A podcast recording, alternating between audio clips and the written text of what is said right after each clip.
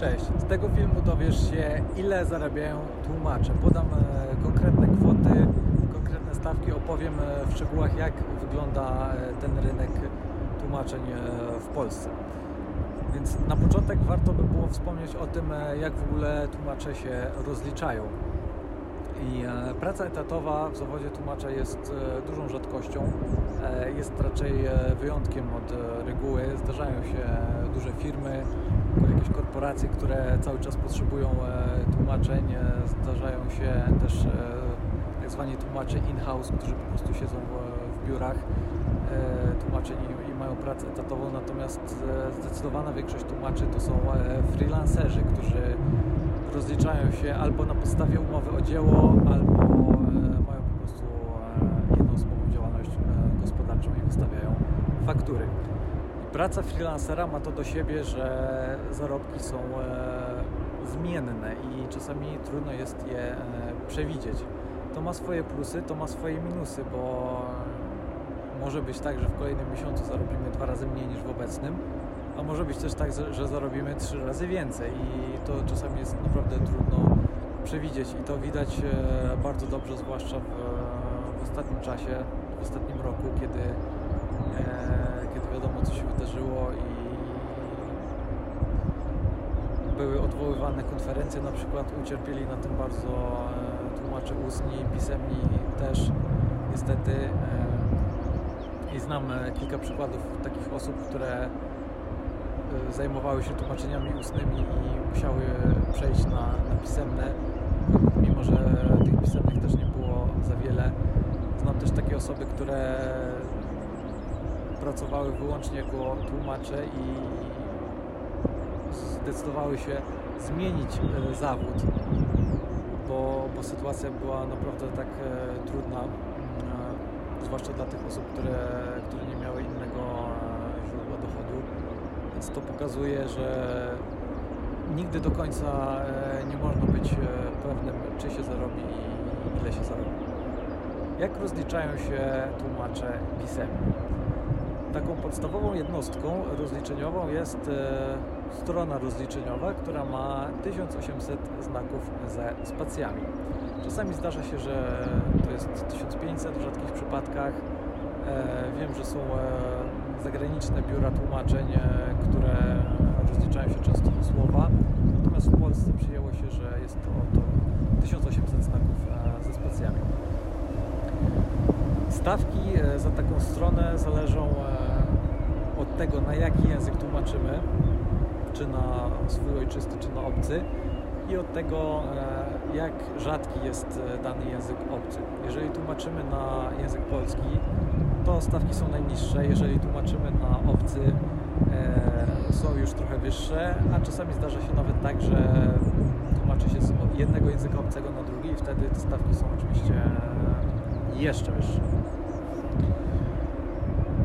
Oczywiste jest to, że im rzadszy jest e, dany język, tym, e, tym trudniej znaleźć tłumacza, który, który ten język zna i w związku z tym stawki idą oczywiście e, w górę. I mówię tutaj o tłumaczeniach zwykłych, a tłumaczenia przysięgłe są oczywiście jeszcze droższe. I takie stawki za stronę zaczynają się od 30-40 zł w przypadku tych najpopularniejszych języków, czyli angielski, niemiecki, hiszpański i tak dalej. I idą w górę e, w przypadku tych e, rzadszych języków mogą dochodzić nawet do, do 100 zł za stronę rozliczeniową. Więc tak wyglądają tłumaczenia pisemne. E, a jak rozliczają się tłumacze ustne? Tłumacze ustni najczęściej rozliczają się na podstawie dniówki, która trwa 8 e, godzin. Czasami zdarza się tak, że e, jakieś, jakieś spotkanie czy jakaś konferencja trwa powiedzmy godzinę. No i w takich sytuacjach e, raczej tłumacze nie żądają tego, żeby ktoś zapłacił im za cały dzień, tylko po prostu dzielą tą stawkę za cały dzień na pół i rozliczają się na podstawie tak zwanej półdniówki. To już jest taka absolutnie e, minimalna jednostka rozliczeniowa w, e, w tłumaczeniach ustnych i poniżej tego nie powinno się schodzić. To może się wydawać niezrozumiałe e, że tłumaczenie trwało na przykład godzinę, a trzeba zapłacić tyle, e, ile płaci się za, za południówki, za te 4 godziny. Taki dylemat często mają osoby, które zatrudniają tłumaczy, natomiast nikt nie zdaje sobie sprawy z tego, że takie tłumaczenie ustne wymaga niejednokrotnie wielu godzin przygotowania. E, I bardzo często jest tak, że przygotowanie do tłumaczenia ustnego trwa kilka razy więcej niż samo tłumaczenie. Tak jest e, w przypadku jakichś e, konferencji na przykład, gdzie, gdzie spotykają się przedstawiciele danej branży, no i my po prostu musimy opanować całe słownictwo, które w tej branży jest stosowane. To na przykład mogą być jakieś konferencje medyczne.